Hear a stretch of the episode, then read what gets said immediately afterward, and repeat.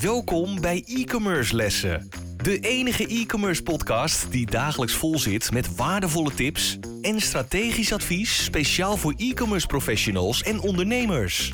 Gegeven door twee ondernemers met vele jaren aan ervaring die hun strepen verdiend hebben in de marketing en e-commerce. Laten we beginnen met het verhogen van jouw e-commerce kennis. Hier zijn je leraren, Dries de Gelder en Alexis van Dam. Welkom bij weer een les bij e-commerce lessen. Les nummer 8. Blijf. Nee, waarom kiezen voor een niche-markt? Ik ben Dries de Gelder. En ik ben Alexis van Dam. Kijk eens aan, we gaan het vandaag hebben over een niche-markt. Waarom is een niche-markt nou zo belangrijk? Alexis? Nou ja, uiteindelijk als je natuurlijk even over een niche-markt nadenkt, dat heeft natuurlijk ook een beetje verwantschap met uh, positioneren. En zoals ik weet, vanuit marketing en branding is een positie kiezen uh, erg belangrijk, want anders ben je namelijk alles voor iedereen. En daarmee ben je eigenlijk uh, niks voor niemand. Uh, dus een niche, zeker vanuit webshop gedachte. Uh, ik ben zelf iemand die graag van hardlopen houdt. Nou, je hebt natuurlijk allerlei verschillende typen hardlopers, beginners en mensen die de marathon lopen in heel veel snellere tijden dan ik zelf zou kunnen. daar heb je natuurlijk wel verschillende niches voor. Hè? ik ben inmiddels wel voorbij het punt van dat ik beginnertje ben. Ik ben inmiddels een stukje hoger, denk ik heb je ook andere vragen, andere behoeften. Nou, specifiek die andere behoeften, uh, als je natuurlijk een groep kan verzinnen of kan vinden die een specifieke behoefte heeft, oftewel die niche, dan kan je daar specifiek op gaan inspelen. Dus in plaats van dat jij uh, hardloopkleding voor iedereen gaat aanbieden, ga je hardloopkleding aanbieden voor mensen die al uh, halve marathons kunnen lopen, bijvoorbeeld. Of je gaat hardloopschoenen specifiek richten op mensen die marathons lopen twee keer zo lang, maar vraagt wel andere, andere type schoenen, want die moet langer kunnen doorlopen zonder al te veel last te krijgen. Nou, dat is een beetje even een kort voorbeeldje over hoe je kan nadenken. Dus hè, in plaats van dat nu even op productgroep zit of op, gebruiksniveau, kan je natuurlijk ook op regionaal niveau zitten. Richt je bijvoorbeeld op een stad als Den Haag, richt de Randstad, Benelux, Europa of de wereld. Nou, dat zijn steeds minder niche, want de wereld is weinig niche meer van over. Dus dat maakt nogal van belang, want uh, dat heeft namelijk een uh, koppeling met je contentstrategie, hoe je bepaalde dingen gaat benoemen, hoe je bepaalde content gaat omschrijven. Dus in feite uh, werkt dat door in je hele aanpak op je website. Zeker. Wat ik zelf heel erg belangrijk vind in, aan een niche, is dat je vaak wat hogere marges ook kan rekenen. Omdat je je richt op een bepaalde doelgroep je hebt een bepaalde expertise en omdat jij die expertise van A tot Z aan de man brengt voor jouw consument, die daar behoefte aan heeft, mag je ook wat meer rekenen. En men vindt het dan ook niet zo erg om uh, wat meer te betalen, omdat het ze vaak uh, de opbouwende gedachte die daarachter zit, uh, achter dit product wat jij hun aanbiedt, heeft voor hun een bepaalde meerwaarde omdat jij het ze aanbiedt. koop je natuurlijk hetzelfde product op bol.com, waar honderdduizend andere mensen uh, het product uh, aanbieden of dat soort zaken. Maar bij bol.com kan je niet die ervaring lezen die jij uh, kan bieden aan jouw nichegroep of aan, die bepaalde doelgroep die zitten te wachten op dat ene specifieke product waar jij dus die behoefte aan hebt. Ja, want het, het is ook een stukje, nou, helemaal eens met wat Ries zegt, maar het is ook een stukje selectie. Hè? Als jij een bepaalde niche kiest, voor enig product zijn er heel veel mogelijkheden tegenwoordig. Uh, die ongeveer allemaal wel vergelijkbaar zijn. Want als dat niet zo zou zijn, dan zou je niet kunnen overleven in bepaalde ondergrenzen wat je moet leveren als product.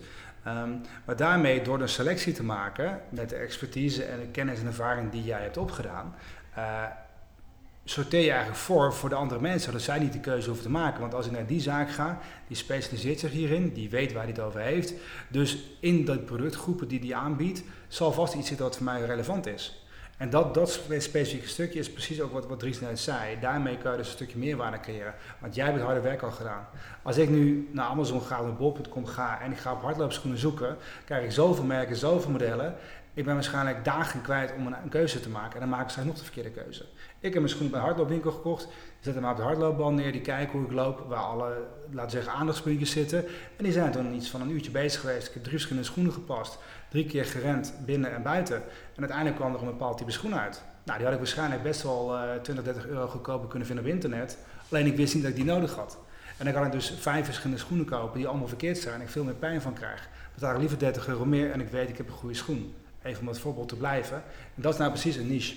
Uh, je gaat naar een specialistische zaak die weet waar het over gaat. En dan ben je bereid meer te betalen, want je weet ook, dit gaat goed. Dus ik betaal liever iets meer dan alleen maar het goedkoopste Staat misschien een beetje haaks op het hele idee van goedkoper is beter. Daar gaan we ook een keertje over hebben. Dat kan natuurlijk ook een route zijn. Wat ook op zich misschien een niche in zichzelf is. Maar dit is natuurlijk iets wat wel voor goede producten echt van belang is. Nou, zeker. Ik denk juist in je niche kan je uh, hogere marges creëren. En uh, een niche-markt, waar vaak over gesproken wordt, is de doelgroep vaak kleiner. En als de doelgroep vaak kleiner is, uh, zijn de producten vaak ook wat duurzamer. En als de producten wat duurzamer zijn, dan zijn ze ook vaak wat duurder. En wil die doelgroep er ook vaak wat meer voor betalen. Als ze er weer iets meer voor willen betalen, betekent dus dat jij als webshop-eigenaar iets meer marge kunt maken en dus iets meer over kunt houden per order. En dat is natuurlijk altijd interessant. Zeker, dat is helemaal uh, goed. Verder wil ik nog even zeggen, uh, ik heb met het e-commerce café heb ik met Johan Baks een keer gesproken. Uh, Baks Music Store is natuurlijk gewoon, ja, als we het hebben over een niche en die enorm is uitgebreid in, de, in zijn niche. Hij heeft de niche music gepakt. Je kan daar alles op het gebied van muziek kopen. Of het nu gaat om uh, muziekinstallaties, lichtinstallaties, alles wat met muziek te maken heeft, is daar te koop. Maar je kan daar geen boot kopen. Nee, wat valt natuurlijk enorm buiten de niche. Precies. Of geval. een luchtbed, of weet ik veel ja. wat. Want dat, ja. Nou, dat is dan misschien toch wel interessant als je kijkt dan naar uh, bijvoorbeeld naar bol.com in Nederland. Die is natuurlijk begonnen, ja, het staat voor Books Online, uh, als we even teruggaan naar het, uh, het verleden. die zijn natuurlijk inmiddels daar wel een beetje ook buiten gegaan, buiten die niche, omdat het ook kon. dus dat is op zich ook een strategie. Hè? Dus het is niet dat het nou automatisch in elke website automatisch werkt in niche. Hangt een beetje van je type productgroep af. Maar als jij zegt, goh, dit is eigenlijk zo'n grote productgroep, er zijn zoveel producten en ik kan een groep identificeren die een soort van homogeen is, dus gelijksoortig is, zeg maar qua wensen en behoeften die ze hebben, dan kan het niet zo erg interessant zijn, want dan kan je daarin gaan groeien.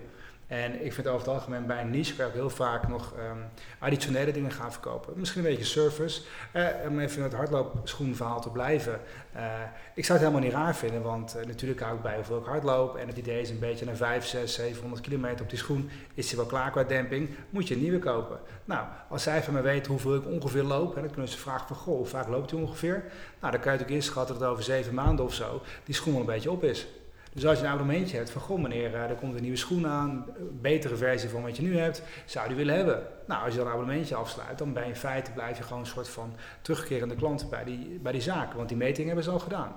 Misschien moet je er even een extra meting doen, die echt helemaal goed is. Maar op zo'n manier kan je natuurlijk wel additionele waarde creëren. En daar zijn mensen ook wel bereid voor te betalen. Niet iedereen, maar zeker een doelgroep wel. En je kan beter misschien een iets kleinere doelgroep hebben die meer bij jou besteden dan een hele grote doelgroep die alleen maar voor de goedkoopste prijs gaat. En dat gaat één kant op, naar beneden.